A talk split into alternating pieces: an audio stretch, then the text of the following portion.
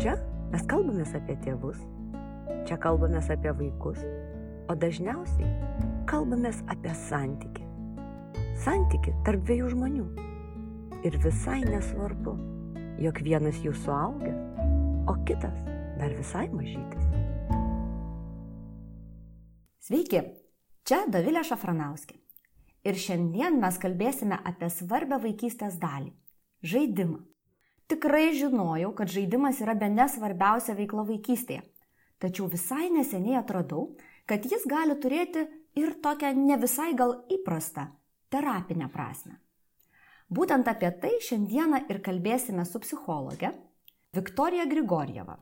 Ji taip pat yra ir pasakų dirbtuvių permainų vėjas įkūrėja. Labadiena, Viktorija. Labadiena. Labą dieną. Viktorija, pirmiausia, paprašysiu pačios papasakoti apie save truputėlį, nes kai aš landžiau internete, radau tokių labai intriguojančių dalykų. Na, kad pati esate reiki specialistė, domitės angelų terapiją. Papasakokit truputėlį plačiau apie tai, ka, kasgi vis dėlto esate. Tai aš esu iš tikrųjų psichologė ir psichologiją aš studijavau Maskvoje taip jau pakrypo mano keliai į, į Maskvą su, su šitom studijom. Ir ten kaip tik aš ir susipažinau su žaidimų terapijos metodais, su pasakų terapijos metodais.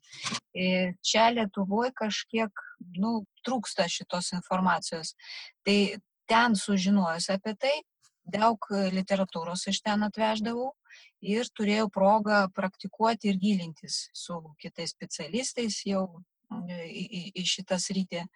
Todėl dabar, nu, taip sakant, aš kaip įsimylėjau pirmą kartą iš šitus metodus, taip ir taikau. Ir jau gyvenu su šitais metodais, aš jau, nu, apie dešimt metų. Ir taikau savo praktikoje. Mums, su vaikais, su saugusiais netgi, kai konsultuoju, kartais tenka irgi ir pažaisti, ir pasakas kurti. Ir dar pati esate ir dailės terapijos specialistė. Aš tiesiog žmogus, kuris taiko šitus metodus dailės terapijoje, dirbant su vaikais. Jo. Na gerai, bet šiandieną labiausiai mes koncentruojamės į žaidimą ir jo terapinę prasme. Ir, žinot, yra toks posakis labai dažnas, sako, ai, čia vaikų žaidimas. Na, tarsi norint pasakyti, kad kažkas tokio menko, tokio paprasto, tokio visiškai nerimto. A, kaip yra iš tiesų, kokią reikšmę turi žaidimas vaikų gyvenime? Nu, taip labai gražiai, meniškai žaidimų terapeutai sako taip, kad vaikui žaidimas tai yra jo kalba, o žaisliukai yra e, žodžiai. Iš tikrųjų, žaidimas, jeigu taip nu, praktiškiau apie tai pakalbėti, tai yra vaiko saviraiška.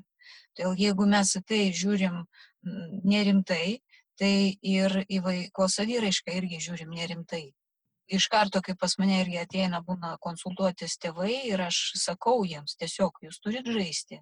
Nes būna tokiu atveju, kad vaikų jau ir 5 ir 6 metai ir dar tėvai pakankamai su vaiku neįsižaidė, aplamai neprisijungdavo prie žaidimo ir nesiūlė jokių žaidimų. Tai jiems čia būna tokia, kaip čia dabar žaisti 24 valandas per parą su juo ir žaisti čia dabar. Mhm. Tai nuraminu, nereikia tiek žaisti, tikrai vaikas turi mokėti ir išmokti ir pats modeliuoti žaidimus ir pats pakviesti galbūt jūs į savo žaidimą. Bet terapinės tikslais, tam tikrų problemų sprendimui, būtina prisijungti prie vaiko žaidimo, būtina pakviesti vaiką į žaidimą, patiems inicijuoti žaidimą. Tai va tokiem žaidimams e, reikia skirti laiką bent 60 minučių per dieną. Tai 60 minučių galima dalinti keturis kartus po 15 minučių, tris kartus po 20 minučių arba du kartus po pusvalandį. Na tikrai tą laiką yra įmanoma surasti. Tai, va, tai tėvai išgirsta, kad galima ir taip, tai tada ramybė, tada galima. tada galima ir to laiko atrasti. Bet iš tiesų šiuo metu labai daug yra kalbama apie laisvą, nepriklausomą vaiko žaidimą. Ir lyg ir kartais tėvai atrodo vis dažnai matau skatinami na, nesikišti į vaiko žaidimą.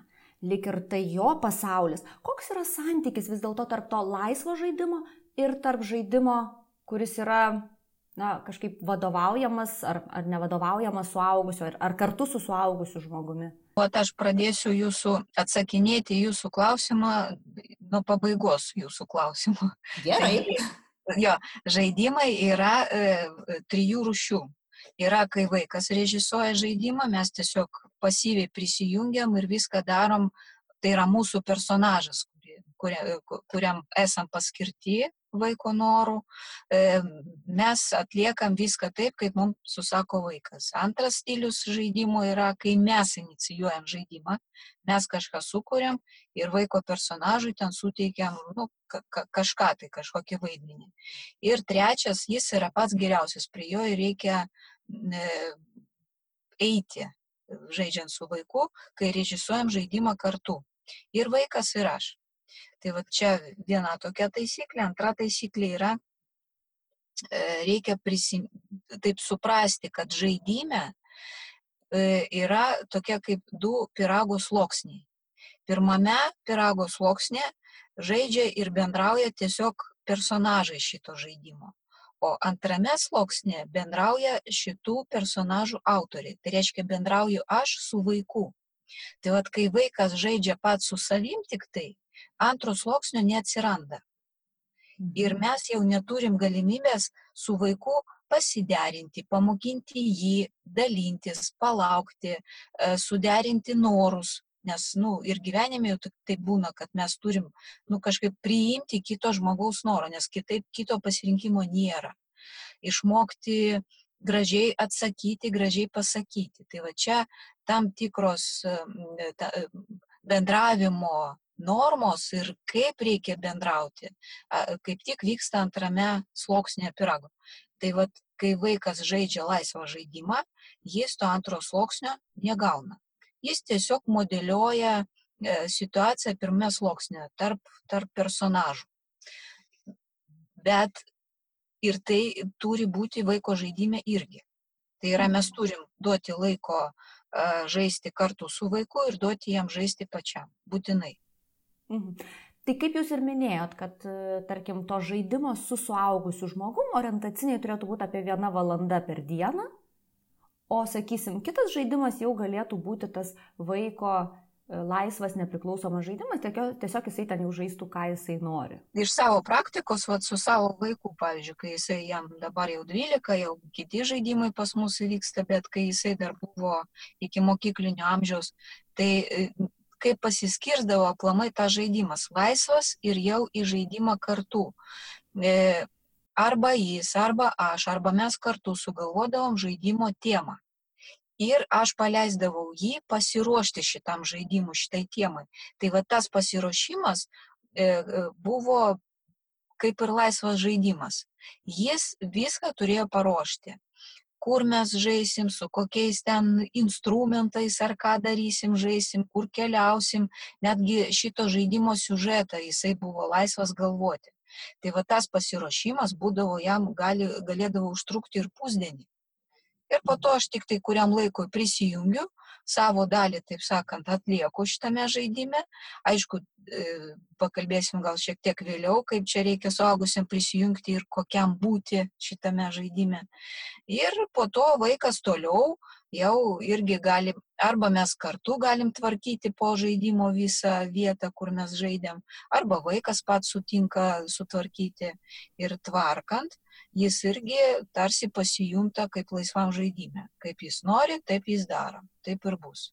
Apie tvarkymąsi aš dar jums esu paruošus ir visai tokį atskirą klausimą jau pabaigoje. Bet dabar labai įdomi iš tikrųjų ta e, suaugusio žmogaus rolė ir suaugusio žmogaus vaidmuo, nes tarkim, na, pripažinkim, dauguma mūsų suaugusių žaisti, na, atrodo, nei mes labai mokam, nei mes labai norim kartais, ne? Tai kaip čia, ka, kokiegi mes turėtumėm būti tame žaidime? Pirmiausia, reikia suprasti vieną dalyką - priimti save, nenorinti žaisti. Juk tai yra normalu. Mes jau turim begalybę gyvenimo patirties. Ir tai, ką vaikas dabar žaidžia, nu mums elementariai jau viskas žinoma ir suprantama. Tai čia iš vienos pusės, nu, pripažinkim, kad gali būti nuobodu žaisti į vaikišką žaidimą. Todėl ir yra skiriamas laikas. Jo, tas 60 minučių, jeigu mes paskirsim, tai tikrai nemirsim iš to mhm. nuobodulio. Tada einam prie antro žingsnio. E, o vaikas tai juk turi iš kažkur pasisemti tos patirties. Tai va čia ir yra galimybė, kiek mums pasidalinti savo patirtim, kiek vaikui pačiam žaidime kažkokį patirtį įgauti, pasitreniruoti, su kažkokiu įgūdžiu gauti. Nes e, mes, suaugę žmonės, jau turim labai gerai išvystytą loginį mąstymą. Ir mes informaciją galim jau tikrai labai lengvai priimti audio kanalu. Tai yra, kaip mums pasako, mes iš karto analizuojam visų pirma pas mus jau ir analizatoriai smegenyse jau yra pakankamai išvystyti, kad mes informaciją išgirstam ir ją čia pat iš karto analizuojam. O vaikui taip nėra. Vaikui analizatoriai dar formuojasi ir auga, loginis mąstymas dar formuojasi ir auga. Tai reiškia, mes galim patirti, pateikti vaikui ir pamokinti kažko tai tik tai per tam tikrus vaizdus, per demonstravimą. Tai vad žaidimas, jis kaip tik yra apima tą vaizdinį mąstymą vaiko iš skirtingų pusių. Jis ir kažkiek girdi, nes mes kalbam su juo žaidžiant, jis ir modeliuoja tą žaidimą, tarsi žiūri iš, iš šalies, kaip, kaip kas ten personažai veikia ir ką daro. Plus taip jis gali pamatyti, kokios ten tam tikro veiksmo pasiekmes įvyksta, čia ne man įvyko, čia jam įvyko, lengviau analizuoti, kaip mes tarsi iš Mhm. šalies. Na ir pats pagrindinis dalykas, jis yra savo personažo kuriejas. Tai va čia irgi yra tokia, kad, nu, aš visą galis toksai, aš viską galiu. Matai, aš ir nuskristi galiu, ir galiu paklūsti, galiu nepaklūsti. Todėl čia yra tikrai svarbu tas ryšys antrame e, pirago sluoksnė, apie kurį aš pradžioje kalbėjau, kad mes pradedam su vaiku kalbėti kaip kuriejas su kurieju, jo ir pradedam kažką galbūt pasakyti ir paaiškinti, kodėl taip galbūt nelabai tinka, o kodėl man taip nepatinka ir aš taip nedarysiu, nes man yra nesaugu. Tai va, todėl e, žaidimai vaikams kartu su tėvais e, reikalingi labiau negu tėveliams žaidimai kartu su vaikais. Ir tą dalyką reikia tiesiog pripažinti ir priimti. Dėl vaiko mes einam žaisti. Tai čia toksai mūsų iš tikrųjų labai visai kitoks, čia jau tam žaidime mes, mes nebe žaidėjas, mes tam tikrą prasme mes ir mokytojas, ką mes dažnai norim mokyti savo vaikus kažko. Tai va čia puikiausia proga tai daryti iš tikrųjų. Taip, taip, taip, taip. Tai vat ir, ir ne tik mokytojai, mes ir draugai, suprantat, bet draugai irgi, kai, nu, pavyzdžiui, ateina jau tas amžius, kai vaikai pradeda jau savaime ieškoti draugų ir, ir bandyti susidraugauti. Tai vat jie irgi turi išmokti tai daryti. Tai vad Mhm. savaime tas mokymasis kaip ir neateina. Yra tokių vaikų, kurie tikrai, jie nemoka u- užmėgsti su, su savo bendramžiu. Nu kažkaip jiems nepavyksta tą daryti. O mums atrodo, nu čiagi taip elementaru. Tai taip, mums normalu, kad tai elementaru, mes jau kiek pragyvenom, mes jau žinom, patirtį turim. O vaikui natūralu, kad jiems tai yra nesuprantama, kaip čia reikia. Tai jie net nemoka kartais susipažinti vienas su kitu, elementariai prieiti ir paklausti, kuo tu vardu, einam draugauti. Mhm. Jie prieina ir paima žaisliuką kažkokį tai ir jiems atrodo, kad čia aš tau parodau kažkokį tai jau dėmesio ženklą, kad einam žaisti, o kitam vaikui visiškai tai kitaip nuskaitoma yra. Todėl per žaidimą mes mokinam ne tik tam tikrų būtinių kažkokių elementarių dalykų, bet bendravimo, bendravimo mokinam, kaip bendrauti reikia. Ir kaip jūs minėjot, kad yra tie keli žaidimų tipai. Ir aš dabar kažkaip tai tiesiog galvoju apie tai, kad iš tikrųjų, kad mes kartais esam tame žaidime, kuomet mums priskiria kokį nors personažą. Na, tarkim, tu būsi šuniukas ir tu turi lotį, ten taip toliau. Ir mes tai vykdom, bet kartais tikrai nu, natūraliai ir labai nuoširdžiai nesinori kažko daryti, ką vaikas mums sako daryti. E, Ir kartais vėlgi tokia atsiranda tėvams dilema, tai ar aš čia turiu vis dėlto daryti per tokį didelį nenoriu, ar aš turiu pasakyti, kad, na žinai, čia man jau mano riba, man šitas jau yra nepriimtina, šito aš tikrai nenoriu. E, geras klausimas yra, tai yra išlaikyti tą atvirumą žaidime.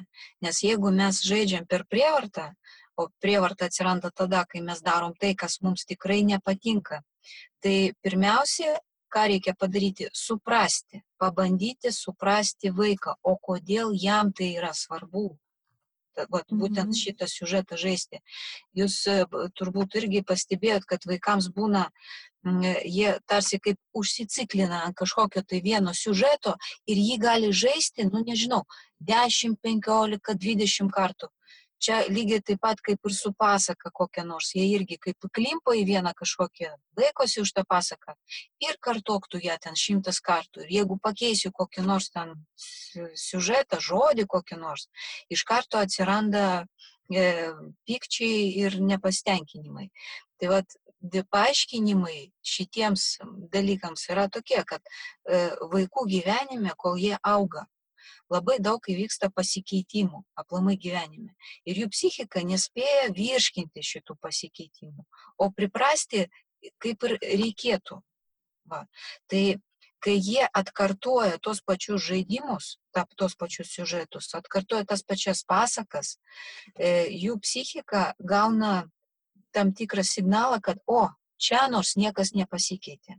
Ir jie atgauna saugumo jausmą savyje. Mhm. Todėl, e, kai mes šitą priežastį priimam ir suprantam, tai mumise ir atsiranda, nu, toksai kaip e, gy- gydytojo noras padėti vaikui, atgauti tą saugumą. Na, tiek to ir pažaisiu su tavim 20 kartą tą patį žaidimą, nes tu tokiu būdu atgauni savo saugumą. Bet jeigu jau tikrai jaučiam, kad mums neišeina atvirai, nuoširdžiai žaisti į tą patį jau šimtą kartų žaistą žaidimą, mes galim apie tai pasakyti vaikui, bet irgi reikia gan korektiškai pasakyti. Galbūt aš galiu čia jau kažką kitką padaryti. Ne, negali, gerai. O galbūt čia galėsiu kažką padaryti. Ne, tarsi atsiklausti, ar, ar Mhm. leidžiama yra, o ne, ne, neįkyriai ir, ir griežtai imti ir keisti. Mhm. Taip reikia atsargiai. Kad nesugriauti to saugumo uosto. Jo, ir mes galim nustatyti laiką. Pavyzdžiui, kad vėl, jeigu mes žaidžiam tą pasikartojančią tą patį žaidimą, kuriam jau tikrai, nu, mūsų nervų sistema jau ant ribos, Mhm. tai mes tiesiog galim nustatyti laiką kad aš su tavim šitą žaidimą žaisiu, kol tam, nu, tam tikras signalas nuskambės. Ir bent sužaisti, nu, 10 minučių. Va, po to padarom pertrauką, vaikas gali likti ir žaisti toliau šitą žaidimą, o mes galim ten nueiti, pažiūrėjau, padaryti savo kažkokį e, veiklą ir poreikiu esant vėl sugrįžti ir vėl sužaisti tą patį žaidimą. Svarbiausia suprasti, kokia pagrindinė priežastis tokių pasikartojančių žaidimų, į kuriuo mes jau nu, įdryso ir tikrai nenorim žaisti. Tai yra padėti vaiko atstatyti saugumo jausmą ir viskas. O Viktorija, kaip keičiasi žaidimai priklausomai nuo vaiko amžiaus? E, Iki kada mes čia galim žaisti su vaikais? Na, žinokit, aš ir su savo 12 metų vaikų žaidžiu, bet tie žaidimai jau daugiau tokie galbūt stalo žaidimai, kūrybiniai žaidimai, kur mes kartu kūrėm tam tikrą siužetą e, stalo žaidimo.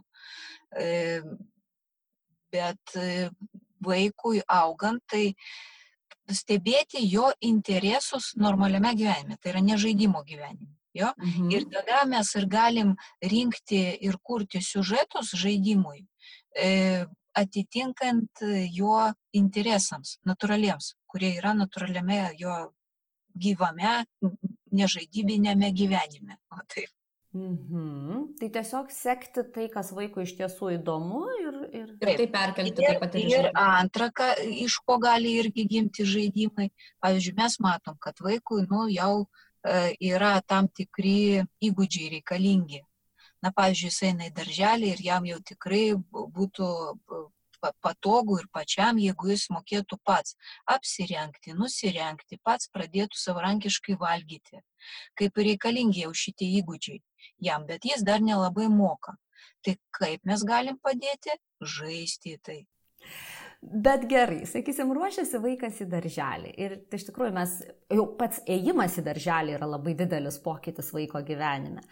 Tai kaip tai praktiškai atrodytų, mes tada turim žaisti darželį? Taip, taip, taip, mhm. visiškai teisingai, mes turim žaisti darželį, bet irgi šitas žaidimas yra pakankamai ilgas, jį reikia daryti taip reguliariai, kasdien žaisti. Ir jis tokius esminius nu, dalykus turi atspindėti. Tai yra svarbu vaikui pateikti informaciją, kad darželio patalpa ir režimas darželėje, nu, dienos režimas, Taip. jis yra kitoks negu yra namai. Tai yra kita vieta. Ten nebus tėvų, ten bus daug vaikų ir auklėtoja, ten jūs mėgosit visi ir valgysit ir kažkokius darbelius darysit visi bendrai prie vienoj patalpoj. Nes tu į tualetą vaikščiosit irgi visi bendrai į vieną vietą. Nes vaikas namuose, nu ką, jis vis tiek turi savo individualią tam tikrą vietą ir individualų laiką žaidžiant, o čia viskas taip patampa bendrai. Tai vad žaidžiant į darželį mes treniruojam E, vaikui gebėjimą priimti šitus pasikeitimus, esminius pasikeitimus. Ir jeigu mes prieš vaikų einant į darželį, nu, bent mėnesį, čia mažiausiai, ką mes galim padaryti, pažaisim kasdieną į darželį, mhm. E, tai mes labai didelę pagalbą padarysim vaikui, jis greičiau adaptuosis paprasčiausiai, nebus tos e, įtampos per didelės ir, ir baimės. Nes jam jau bus pažįstama lik ir. Taip, taip. Ir svarbiausia, kad jis per šitą žaidimą supras dar vieną svarbų dalyką, kad tėvai vaikų darželėje nepalieka. Nes tai yra pati didžiausia vaiko baime, su kuria jis mm -hmm. turi išmokti susidoroti einant į darželį. Kad mane čia į darželį nuvedė tam, kad nepalikti visam laikui, kad aš čia netapau nereikalingas, kad ne, ne dėl to aš čia į darželį atėjau. Mhm.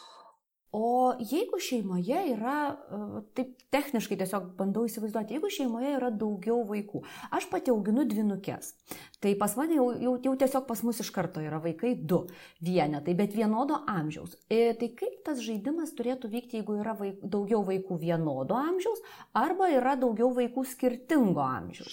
Aišku, e, tobula būtų skirti laiką vis tiek individualiam žaidimui kiekvienam su vaiku ir daryti irgi galvoti bendrus žaidimus, kurie galėtų apjungti. Tai vad žaidimus apjungimui e, geriausiai imti iš judančių žaidimų serijos. Tai yra judėjimo žaidimai turėtų būti, kurie apjungtų visą šeimą, visus. Aktyvus piešimas gali būti, ten kažkokie pabėgiojimai, e, gali būti ieškojimas kažkokio tai lobio, nu, kartu. Netgi jeigu mes darom estafetės kažkokias tai, tai mes irgi galim, tik tai labai svarbu tada akcentuoti vaikus, kad mes nekonkuruojam su kitu, jo mes tiesiog nu, lavinam savo stiprybę, kaip komanda vat, žaidžiam, ką mes čia galim pasiekti kartu.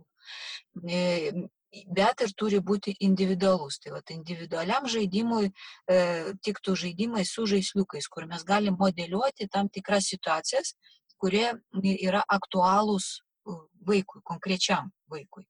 O Viktorija, aš tokį gir... pasitikrinsiu, dabar pasinaudosiu progą ir pasitikslinsiu.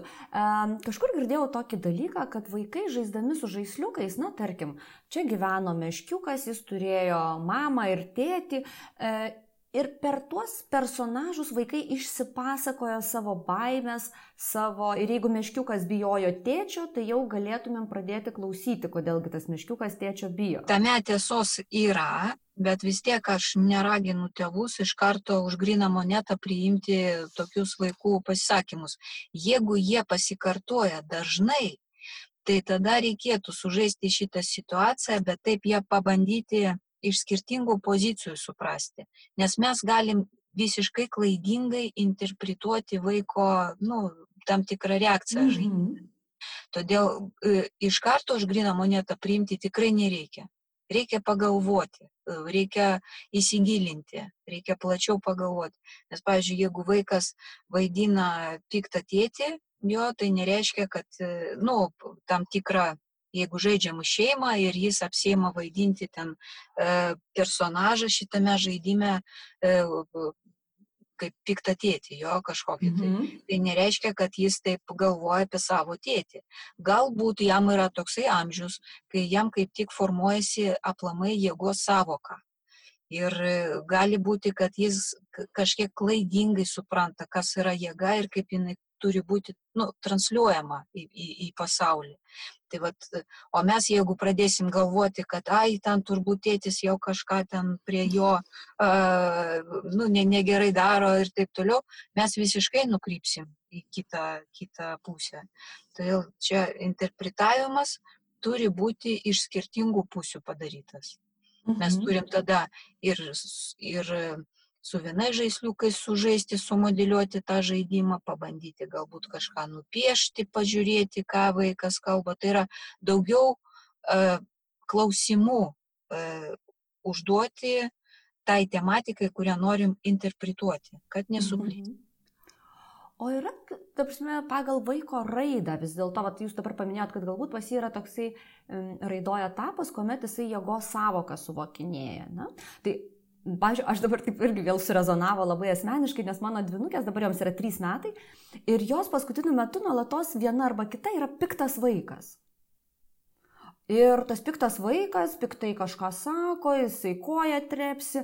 Ir aš vis taip galvoju, iš kur čia dabar tas piktas vaikas pas mus atsirado, nes mes nenaudojam tokios savokos, aš net nežinau, iš kur, iš kur jos pasigavo. Tai, tai kiek tų va tokių raidos etapų, sakysim, gal, gal yra kažkokie tai tėvams naudinga žinoti kažkokie tai bent bendriniai žingsniai, kokiame amžiuje kokie a, tie etapai yra arba kokie, kokios tos savybės formuojasi labiau. Tai čia, žinot, netgi nežinant šitų raidos etapų, galima tiesiog stebėti, vat, ką, ką naujo atsirado jau vaiko elgesy. Vat, jūs pastebėjote, aha, atsirado vat, jau šitie tokia reakcija, kad sako piktas vaikas. Ir pastebėkit jo, kokio situacija atsiranda. Ir e, tarsi pakelkit save aukščiau šitos situacijos ir pabandykit ją apžiūrėti plačiau. Kame reikalas, kodėl taip vaikas sako? Gal tikrai tiesiog bando taip išreikšti savo įtampą, kurią pradeda jausti. Tai jūs galite užklausti vaiko paprasčiausiai, kai vaikas pradeda taip sakyti, o ką tu dabar jauti? Vat kaip tu dabar galėtum parodyti tai, ką tu jauti? Kaip turi tas piktas vaikas, ką jisai, apie ką jisai galvoja, jo, ką jisai nori sudainuoti, ką jisai nori sudaryti. Tai yra užduoti plačiau temų, kad paž- pažiūrėti plačiau, apie ką čia vaikas kalba. Ką Mhm. jisai įvardina kaip piktas vaikas, Vat, ką mes turim suprasti. Giliau šiek tiek Mhm. pastebėti. Ta jėgos savoka, taip, jinai pradeda formuotis link trijų metų kažkur. Taip, taip Mhm. grubiai galima sakyti taip, kad iki trijų metų vaikas e, neturi poreikio bendrauti su savo bendramžiais. Ir va ta pirma krizė, psichologai vadina ją, kad jinai vyksta link trijų metų, dabar kažkiek aš pastebėjau, kad jinai anksčiau vaikams e, įvyksta, kai iki trijų metų, reiškia, vaikas save suvokia ir supranta kaip kažkoks augintinis savo tėvų. O manim rūpinasi, duoda pavalgyti, atsigerti, nurengia, aprengia ir taip toliau. Aš augintinis. Ir link trijų metų, o ta amžiaus krizė, vaikas jau tiek subręsta, kad jis taiga pradeda suvokti. O tai Jėzau Mariju, taigi aš esu žmogus. Toks pat žmogus kaip mama, kaip tėtis. Ir čia atsiranda poreikis bendrauti su savo bendramžiais. Bet ne tam, kad su, jom, su jais draugauti. Ne. O tam, kad per juos pažinti save, kas, koks aš čia esu žmogus, lyginant su jais. Kad, aha, šitas piešia, tai ir aš, reiškia, galiu piešti. Šitas šoka, tai ir aš galiu šokti. Tai va toksai atsiranda pažinimo etapas. Čia šitoje vietoje, trijų metų amžiuje, atsiranda kaip tik jėgos savokos pažinimas, kas yra jėga, nes, nu, žmogus, aš žmogus, jo vaikas trijų metų staiga pradeda jo pažįstama turbūt sakyti, aš pats, aš galiu, ne, nereikia, aš pats, tai va, aš atsiranda toksai, aš visagalis. Šitas anksčiau tikrai atsirado, kur aš pats ir aš galiu.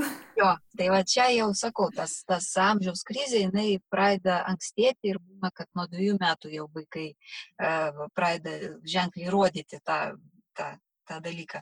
Tai va, ir šitoje vietoje atsiranda jėgos savoka. Jeigu aš esu, nu įsivaizduokit, mano galvoje jau yra žinia, jo, kad aš esu žmogus, kad aš esu visagalis, aš viską galiu, tai reiškia ir jėgos aš turiu.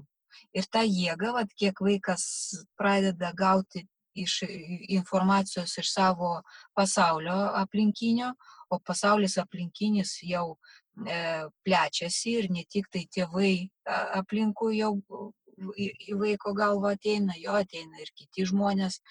Pavyzdžiui, pradeda lankyti darželį, tai visa darželio aplinka jau e, vaikui tampa svarbi formavimuisi.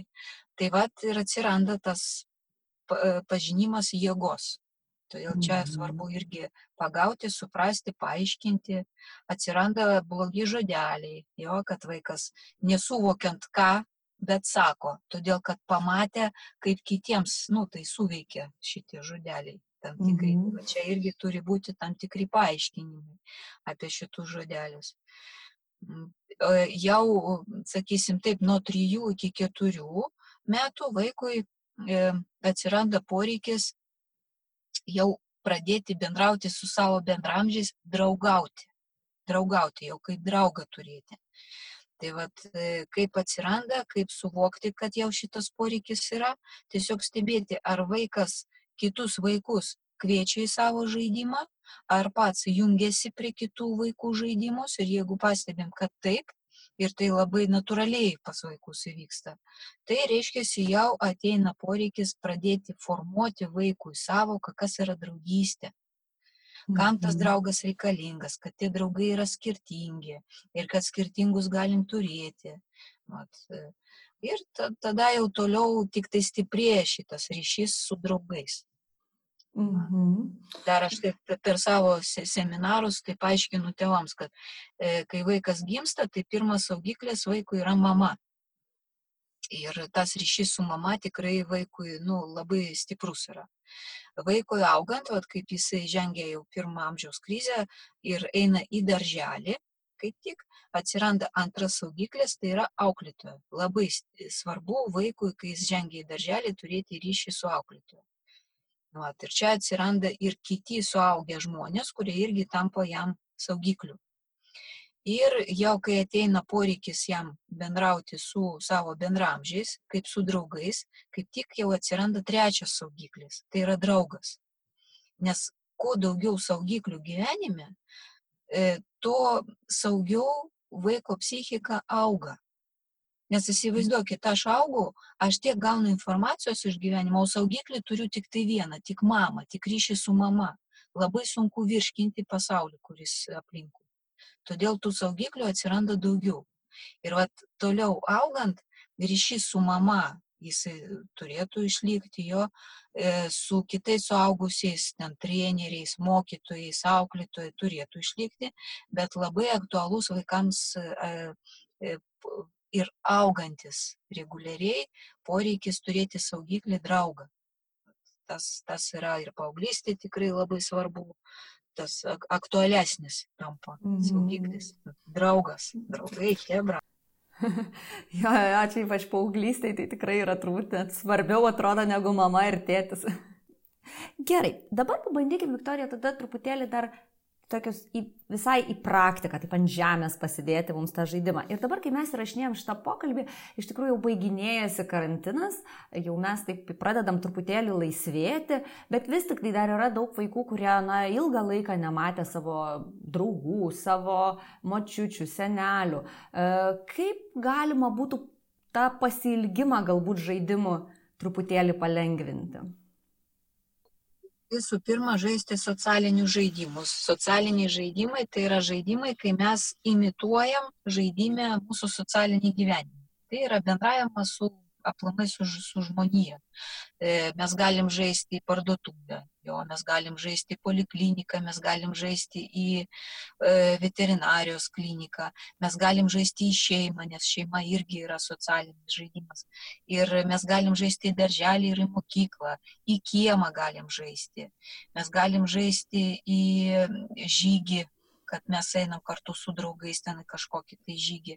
Tai yra, e, kodėl šitie visi žaidimai atgamina vai, vaikui nu, tos ryšius socialinius. Todėl, kad taip mūsų psichika, kiek suaugusių, tiek vaikų yra sudaryta, kad kai mes žaidžiam, kai mes žiūrim kažką tai, skaitom kažką tai, mes norim, nenorim susitapatinam su pagrindiniu personažu. Ir tą patirtį, kurią gauna pagrindinis personažas, gaunam ir mhm. mes. Tai va, įsivaizduokit, kokią treniruotę vaikas gauna žaidžiant šitus socialinius žaidimus. Jo psichika treniruojasi vėl atgaminti ryšį, vėl priimti, vėl gebėti socializuotis, nes socializacija yra kas? Yra gebėjimas priimti pasikeitimus. Tik tai išeini į sociumą ir čia tau ir gaudyk tik tai tas ir ta, kitaip ir taip kitaip. Jo, tai vad kaip adaptuoti, sužaisti. Tai. Mhm. Bet taip praktiškai, kaip tai galėtų atrodyti, na, tarkim, pasirinkti kažkoks žaislas bus močiutė, kitas žaislas bus senelis, aš būsiu dar kažkas tai. Jo, taip, tada padalinti žaidimo, nu, kaip sakau, lauką, ten nebūtinai, pavyzdžiui, žaidžiam ant stalo, tai stalas bus laukas, žaidžiam tiesiog mhm. kambarį, tai kambarys. Tai tada mes vienas kampas čia mūsų namai, kitas kampas čia yra močiutės namai ir kelias nuo močiutės iki, va, turim kažkaip nuvažiuoti, nukeliauti, praeiti. Pavyzdžiui, mes su vaiku žaidėm žygį, tai pas mus dviejų kambarių e, būtas, tai vienas kambarys tai yra e, mūsų namai, antras kambarys tai yra vieta jau žygėje, kur mes apsistosim, jau ten nakvosim, palapinę statysim, o visas, visas žygio kelionė tai yra koridorius. Tai mm. tame koridoriuje vyksta labai daug svarbu pas mus nuotikių, esminių tokių ir ten mes daug ką sutinkam ir daug ką su savim paimam ir einam. O tai tiesiog koridorius, jo, tai mhm. žinau, kiek metrų, trys kokie. Na, kiek, kiek yra tuo metu, tiek ir, tiek ir panaudojam. O dabar, sakysim, dar keletą tokių situacijų, kuomet galbūt irgi terapinis žaidimas galėtų padėti. Tai pavyzdžiui, na, jeigu mes jau apie jėgą šiek tiek kalbėjom, bet jeigu iš tikrųjų vat, vaiku, vaikas elgesi agresyviai ir dažnai tėvus labai neramina, nes tas elgesys gali būti nukreiptas į draugus, tada draugų tėvai galbūt galvoja, mes čia neauklėjom savo vaiko. Na, kaip galėtumėm su agresija žaisti? Nu, su agresija yra, iš tikrųjų šita tema yra labai plati ir aš pabandysiu dabar esminius dalykus taip struktūruoti į, į punktus. Bet šiaip tai rekomenduočiau plačiau pasidomėti apie mano webinaras ir apie vaiko agresiją. Tikrai aš čia ne, ne, ne dėl to, kad save pagirti, bet pagirimų ir atsiliepimų gaunu tik tai gerus, kad labai daug praktinių metodikų mhm. tik tai teorijos. Tai va dabar pabandysiu įdėti čia į mūsų pokalbį. Esmė, vaikas ir suaugęs žmogus pykti mes galim.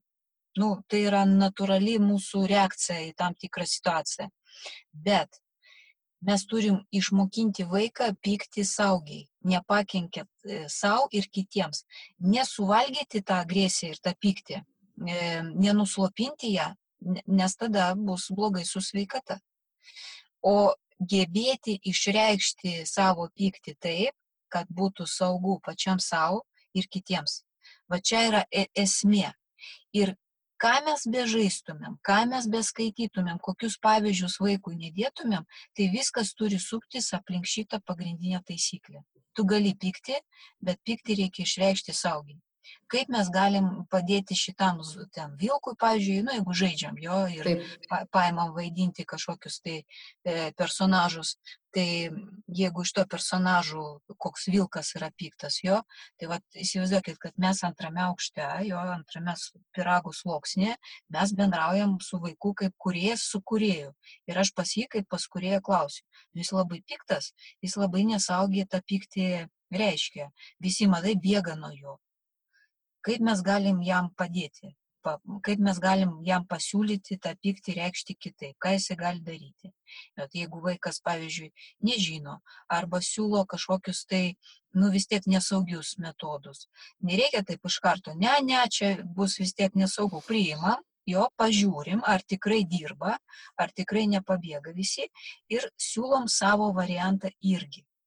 Mhm. Siūlom savo variantą, tai labai svarbu, kad vaikas galėtų jį priimti tarsi čia kaip ir jo yra variantas. Ot, čia Mhm. tai tokia turi būti, kad mes ne kaip e, įsakymą vėlgi nuleidžiam mūsų pasiūlymą, reikia, kad jis taip darytų ir ne kitaip, o, o gal žiūrėk, o jeigu jis padarytų taip ir taip, kaip tu manai, kitaip jam, nu, jau reaguotų į jį, kitaip jau jo piktis galėtų reikštis ir nepakenktų kitiems. Kaip tu manai? Ir vat vaikas tada atsakydamas į mūsų klausimus pradeda suvokti, kad čia jis pats sugalvoja.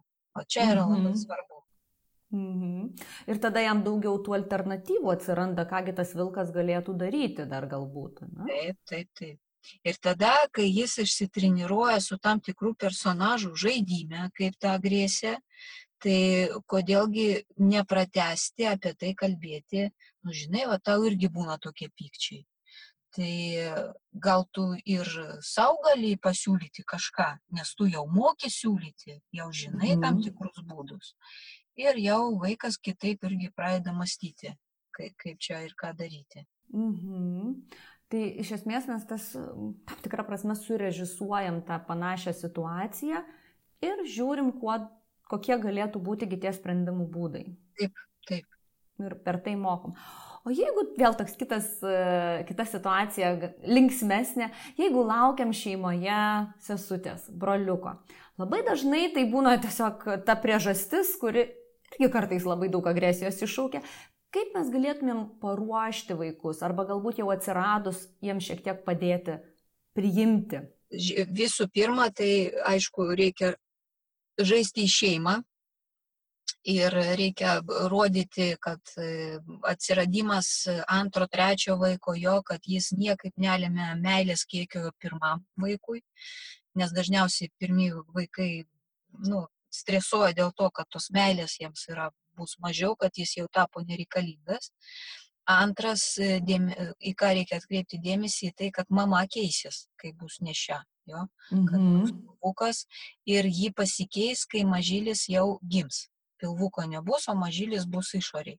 Tai va šitie mums atrodo logiška, jo vaikui yra nelogiška. Jis matys šitus pasikeitimus ir esminiai jo tai liečia jo pirminio e, saugiklio mamos pasikeitimą ir tas nerimas gali iš to irgi aukti. Tai va, dėl tų fiziologinių pasikeitimų irgi reikia keisti. Na ir trečias, tai yra tiesiog irgi modeliuoti taip, kad vaiko personažas žaidime turėtų galimybę pasitreniruoti, kaip jis gyvens su tuo e, naujų savo šeimos nariu. Kaip jis rūpinsis, ką jisai galės daryti, ko galbūt nereikėtų daryti. Paaiškinimai turi būti vėlgi nenurodymai. Nereikia klikti, kai jis miega, arba trukdyti ten, kai jis miega mažylis jo, o paaiškinimai, kodėl taip turi įvykti. Va. G- Ir dar viena tokia rekomendacija būtų, tai yra gražinti su nuotraukom kartu, jeigu yra ir su video medžiaga, vaiką į jo kūdikystę, koks jis buvo mažas, kodėl reikėjo tiek dėmesio šitam mažyliui jo skirti, nes jis dar nieko nemokėjo. Na ir penktas yra, ir penkta rekomendacija, tai yra e, vyresnėliui e, paskatinti ir taip padrasinti, kad tu tiek dabar jau mokė, palyginus su tuo mažyliu, kad tu dabar gali dalintis savo patirtim su juo, būti kaip mokytojas. Tu įsivaizduoji, iki kiek tu jau vat, pasižengęs ir, ir išaugai, kad tu jau gali dalintis, tu jam kaip mokytojas. Mhm, mhm. Aš kartais pastebiu, kad tėvai labai linkia, kai laukiam kūdikio, pasakoti viską nupiešti vaik, kitiems vaikams labai rožiniam spalvom. "Ah, Tu įsivaizduoji, tu turėsi sesutę ir tau taip gerai čia dabar viskas. Tu bus." dabar turėsi su ko žaisti ir vaikas ir laukia tik to, kad tą dabar žaisiu. Ir kokia frustracija įvyksta jam, kai tą mažylį atneša, o žaisti su juo nėra kaip. Mhm. O apie tai tik tai ir buvo devyni mėnesiai kalba, kad tu dabar turėsi tą. Tai va čia klaida yra iš tikrųjų, nereikia taip sakyti. Žaisti jie galės tik tai, kai vaikas jau ten samoningesnis pasidarys. Tas žaidimas, kai irgi vaikas šiek tiek paauks, jisai vis tiek skirsis ir nebus toks, kaip jau pir- pirmas vaikas jau gebės žaisti Taip. jis vis tiek bus toks, kad žaidimas e, patirčių dalinimasis jo, kad vyresnis dalinsi savo patirtim per žaidimą. Va čia ir bus jų Mhm. žaidimas tiesiog. Aš rodysiu pavyzdį tau. Tai Mhm. vat, jeigu teisingai sustatyti tas taškus, tai labai geras ryšys bus tarp vyresnio ir, ir jaunesnio. Na čia turbūt pirma ta taisyklė, turbūt vis dėlto nenupiešti tom labai rožiniam spalvom, o kuo daugiau papasakot realiai, kaipgi viskas būna. Kad ir verkia tas kūdikis. Verkia ir klykia, jo tyliai gali negulėti, bet vat, tada reikia suprasti, ko jis nori. Gal jis šlapės, gal jis nori valgyti, gal tiesiog nori ant rankų pabūti šilumą, pajausti. Galbūt jam reikia kažką padainuoti. Na, tai viską tai aiškinti. Ir čia toks, aš pat klausau ir galvoju, bet čia toks ilgas procesas, nes jeigu mes pradedam pasakoti nuo to, kad mamos kūnas keisis, tai jau mes faktiškai, kai jau pasakom vaikui, kad lauksim sesutės ar broliuko, tai realiai turėtumėm pradėti ir žaisti apie tai ir ruošti jį. Taip, taip, taip. Ir aišku, tai viską, nu, pateikti, nu, ne, ne kaip rūpesti jo, bet ir kaip ir džiaugsmą. Taip. va, va, tu buvai toks geras, kad e, dar va, mes tokį gavom. Dar bus daugiau. Jo, e, rodyti pavyzdį, skaityti, e, surasti visokių pasakų istorijų, kur tikrai yra pavaizduota ir parodyta, kokia yra jėga turėti tokią nu, didelę šeimą. Kad koks tai yra iš tikrųjų gyvenime pastiprinimas ir palaikymas, Mhm. kad neišugdyti tos nereikalingos konkurencijos tarp, tarp vaikų. O dar viena tokia labai praktinė situacija, na, jeigu vaikai patiria kažkokią tai traumą, jau kažkas įvyko, tarkim, buvo ligoninėje, operacija, dar kažkas, ar gali žaidimas vėlgi padėti tai išgyventi arba kažkaip tai su, sušvelninti? Taip, taip, žinoma. Nesakau, visą, vat, reikia tiesiog, žiūrint į žaidimą, reikia savo prisiminti, jo, kad vaikų tai yra saviraiška. Ir vaikas per žaidimą treniruojasi e, priimti situaciją, treniruojasi tam tikrus įgūdžius savyje išugdyti. Ir čia kaip treniruotė jam. Mhm. Ir je- jeigu jis po tam tikro laiko ligoniniai turi vėlgi eiti socializuotis, jo, o jam yra galbūt nedrasu, tai tada bandoma tai žaisti. Nebandoma, tiesiog žaidžiama tai. Mhm. Kad jis per žaidimą ištreniruotų vėl tą įgūdį socializuotis. Mhm. Nes aš tiesiog, atsimenu, mano mergaitė buvo ligoninėje, tuo metu jai buvo gal du metukai ir jai labai taip nesėkmingai, labai skaudžiai, tai tikrai nebuvo ilgas periodas, bet jai taip labai nesėkmingai ir skaudžiai statė kateterį. Ir jinai po to, na, porą mėnesių tikrai, jinai vis laiks nuo laiko, jinai vis rodydavo, kad čia, va, žinai, buvo čia toks įvykis pas mane, a, čia taip jau. Va. Geras e, e, pavyzdys. Kai vaikui įvyksta kažkas tai tokio, nu, skaudos aplamai gyvenime, nes jis gali užfiksuoti ir e, jeigu mes apie tai su vaiku nekalbam, uždarom šitą temą, tai iš to gali išaukti fobija. Tai yra jau, nu, labai didelė baimė ir tai tikrai po to sudėtinga dirbti. Tai vad, kai su vaiku įvyksta kažkoks įvykis, kuris jį tikrai kažkiek įskaudina, tai kaip nekeista, psichologiškai rekomenduotina apie tą įvykį su vaiku daugiau kalbėti. Kaip tai buvo, kaip tau skaudėjo, va taip skaudėjo. Ir tu verkiai, ir aš verkiau. Ir tau va taip va pankšti ir, ir, ir ne ten įdūrė. Taip, ne ten įdūrė. Kuo daugiau vaikas per mūsų klausimus ir atsakymus e, iškalba tą Mhm. įspūdį, e, tą emociją, kurią jisai užfiksavo, tuo greičiau jis ją paleidžia. Vat kam reikalas. O kartais atrodo taip nesinori kalbėti apie tos blogus, blogas O, patirtis. vai, o vaikai, pastebėkit, kad jie vis tiek sugrįžta prie šitos situacijos. Ir jie nori kalbėti apie tai. Mhm. Tu nenori, o jie vis tiek ateina ir kalba, o tu tik tai, ne, ne, ne, ne nereikia, nekalbam, todėl kad, nu, čia tavegi skaudinsim. Na, psichologiškai geriau apie tai pakalbėti. Kuo daugiau pakalba vaikas apie tai, būtent apie tai, kaip jisai jautėsi toj Mhm. situacijoje. Kaip tau skaudėjo, kaip ten tas, kaip vyko, tokius labai e, sukonkretinti tą visą reikia Mhm. situaciją labai stipriai. Tai to greičiau jis tiesiog ją paleidžia, jis su ją tarsi susidraugauja. Pagaliau vat ją paima ir priima. Kad, nu, Mhm. taip įvyko. Taip įvyko, bet tai nereiškia, kad tai vyks ir toliau kitą kartą. Iš tikrųjų, tai kartais gali atrodyti, na, truputėlį kaip ir lyg prieštarautų logikai arba tai tokiai automatiniai reakcijai, kad atrodo, na, jau buvo, tai jau mes apie tai nebekalbėkime, nes tai yra labai skaudu arba kažkas tai atsitiko, vat, vat vis dėlto yra atvirkščiai. Pasirodo, reikia iškal, iškalbėti visą. Tai. Jeigu, jeigu vaikas ateina apie tai kalbėti, jeigu vaikas neateina apie tai kalbėti, tai tada, aišku, nereikia. Mhm reiškia, jam lengviau pačiam, jis, nu, galbūt ir paleis tą situaciją, bet jeigu jis ateina apie tai kalbėti, tai jau tada ir pakalbėti. Tai čia tokia taisyklė iš tikrųjų daugelį temų galiojanti, kad vis tiek pirmą laukiam iš vaiko to signalo, kad tai yra aktualu man. Kaip ir, kaip ir mes darėm podcastą apie lytinį švietimą ir irgi ta pati taisyklė. Na, truputėlį palaukiam, kol vaikas bent užsimins, kad jisai parodys, kad jam tai yra aktualu, ne tai, kad pasisodinam ir sakom, tu žinai, dabar jau mes kalbėsim apie kažką. Čia, žinokit, pana, iš panašios serijos irgi yra, kai, pavyzdžiui, yra nepilna šeima ir mama turi tam tikrų momentų pranešti savo vaikui, kad jis gyvena be tėčio. Tai va irgi nereikia skubėti tos, tą temą pradėti gvildenti ir pasakoti vaikui, o sulaukti iš vaiko klausimus ir atsakinėti konkrečiai tik tai šitus klausimus, nereikia toliau. Nes irgi etapais vaikai priima tą situaciją, nu, konkrečiai, vat, jeigu auga be tėvo, tai būna ten kokių keturių metų vaikas jau galėtų užduoti klausimą, o kur mano tėtis. Ir čia tada mama gali pasiruošti visą legendą pasakoti, kaip viskas buvo. Vaikų neįdomu ta legenda, vaikų tiesiog yra įdomu sužinoti, kur mano tėtis.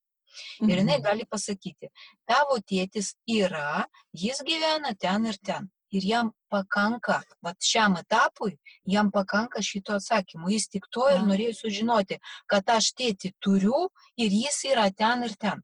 Visos legendos apie mamos ir tėčio santykius jam dar nebeįdomu. Todėl reikia apkrauti, reikia etapais. Jis paaugs ir kokių galbūt septynių metų jis jau kitaip prieis prie šitos situacijos ir užduos mhm. kitaip gilesnį klausimą. Tada mes giliau ir atsakysim. Ir taip pat etapais ir eisim. O užkrauti iš karto tokią, buh, nereikia. Žodžiu, nieks neklausia, tai ir nereikia pasakoti. Gerai, Viktorija, o dabar, na, vis tiek, kad šitie žaidimai, apie kuriuos mes kalbėjom, jie iš tiesų turi tokią gilę ir, ir, ir svarbią prasme. E, tačiau vaikams tai vis tiek yra žaidimas, tai yra ryšio su mama, su tėčiu laikas, tai yra tiesiog smagus, smagus laiko leidimas ir ateina, na, mūsų nustatytas laikas. E, suskamba mūsų signalas, o vaikas puola į ašaras ir sako, ne, tai dar ne, Kaip tada? Jo, pažįstama situacija yra tikrai. Na, žaidimų terapeutai jie planai sako, kad nereikia versti vaiko po žaidimo tvarkyti savo žaislus, bet aišku, jie kalba daugiau apie tai, jeigu vaikas ateina pas žaidimo specialistą, pas mm -hmm. terapeutą ir išeinant iš kabineto, iš jo nereikalaujama, kad jį sutvarkytų. Nes priminkim jo, kad žaidimas vaikui yra jo saviraiška. Mhm. Tai vad irgi perkelti šitą priminimą savo, kai mes su vaiku sužaidėm arba vaikas ten užbaigė savo žaidimą ir mes čia pat iš karto puolam tvarkyk savo žaisliukus, iš karto, o kas stovi už to žaidimo? Vaiko saviraiška. Ir ką aš darau su tas vaiko saviraiška, kai tokį reikalavimą reikalauju? Į dėžę sudedu. Taip, taip. Nu, tai vad nereikia to daryti. Todėl turi praktiškai dabar, taip, taip. turi būti pauzė tarp žaidimo ir žaidimo tvar, ir žaisliukų tvarkymo. Žaisliukas namuose, žaisliukai namuose turi būti sutvarkyti, darželėje turi būti sutvarkyti, nu, tai yra žemiška, suprantama, bet turim padaryti pauzę kad vaikui užsifiksuotų tą jo saviraišką. Tai užtat mes atėjom, sako, o, nuskambėjo skambutis, jau reiškia ten kažkoks signalas, žaidimas baigėsi, einam dabar išplausim rankytes, atsigersim, ten, pavyzdžiui, suvalgysim obolį, kokį morką, o po to ateisim ir sutvarkysim žaisliukus. Ir turi būti būtinai, vėlgi, nereikalavimas, o paaiškinimas, kodėl žaisliukai turi būti sutvarkyti kad kitą kartą, kai mes eisim žaisti, mes labai greitai galėtumėm pasiruošti žaidimui. Nes visi žaisliukai mhm. sudėti į vietas. Labai aišku, kur iš kokį traukti, kad greičiau sudėlioti. O kai bus bardakas toksai, kai mes nežinosim, kur kas guli, mes kitą kartą neparuošim vietos žaidimui. Nes mhm. visą galbūt valandą ten jo mes ieškosim tų žaisliukų. Kad taip neįvyktų, mes tu- turim po kiekvieno žaidimo sutvarkyti. Ir trečia rekomendacija - tvarkyti žaisliukus padeda kokią nors dainelę, eilėraštukas arba paprastas ryčtavimas. Ten mes dabar tvarkysim 1, 2, 3. Tu tvarkai ir aš tvarkau 1, 2, 3. Nu, bet Mhm. ką, kas į galvą ateina, jo tą ir, ir sakom. Mhm. Irgi šitie toksai e, paskatinimas irgi vaikams labai padeda. Nu ir paskutinis, ne visada reikia reikalauti, kad vaikas tvarkytų žaisliukus. Reikia padėti tvarkyti. Tvarkom kartu. Aš tau padėsiu. Tu gali būti atsakingas už kubelius ten sutvarkyti, o aš būsiu už minkštus žaislus atsakingas. Aš Mhm. atsimenu viename seminare apie žaidimų terapiją irgi tie, viena mama taip labai prieštaravo. Ne, vaikas turi pats tvarkytis, kaip jisai pats išmoks tada tvarkytis, jeigu nemokės žaisliukais tvarkytis. Nuraminau. E, o nuraminimas toksai. Vaikas ne tik per žaisliukų tvarkymą mokinasi tvarkytis savo gyvenimą. Jis pratinasi prie tvarkos ne tik tai per žaisliukų tvarkymą. Prie tvarkos jis pratinasi ir e, sudedant savo rūbus į vietą, e, paruošiant, e, pavyzdžiui, valgymo vietą padedant, arba nu, nunešant po valgio ten indus į tam tikrą vietą pastatyti atgal. Tai yra, nu, e, plaunant savo dantukus, jo jisai irgi į vietą atgal viską sudeda. Yra daug būti tam tikrų veiksmų, per kuriuos vaikas išmoksta tvarkos, ne tik Mhm. per žaisliukų tvarkymą. Mhm. Čia yra klaidinga nuomonė manyti, kad jeigu netvarko Žais- žaisliukus, bus netvarkingas žmogus. Ne, nebus.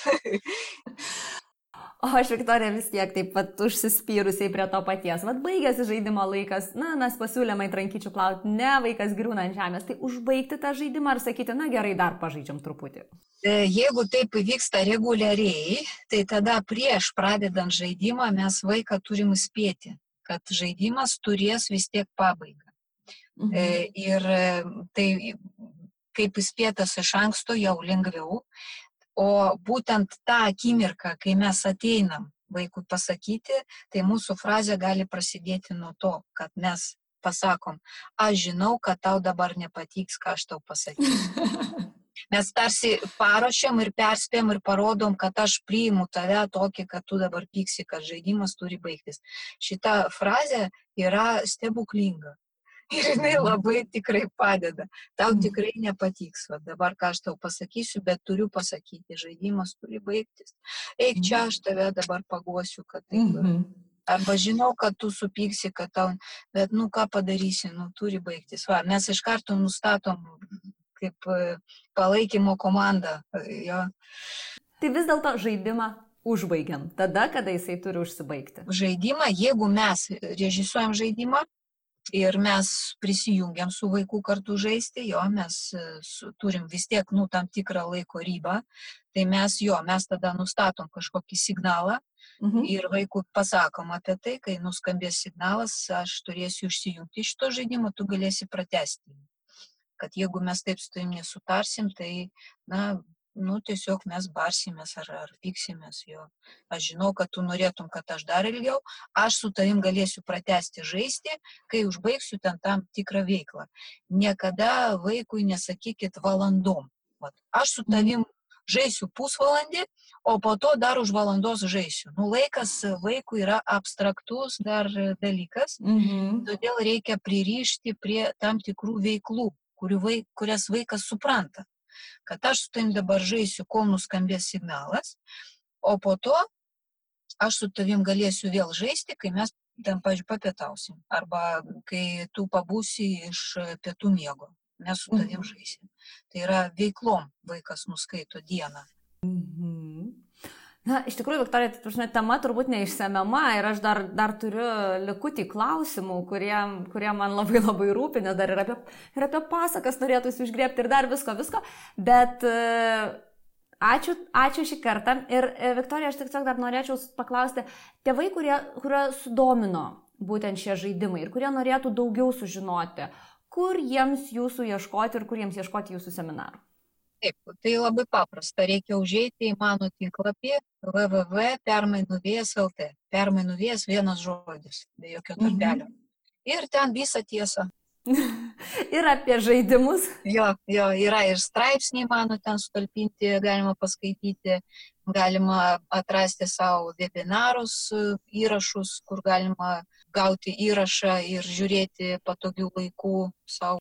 Taigi daug dar turbūt liko, ne, ko mes neapkalbėjom, bet na, tema tikrai, tikrai labai labai įdomi. Tai ačiū labai, Viktorija.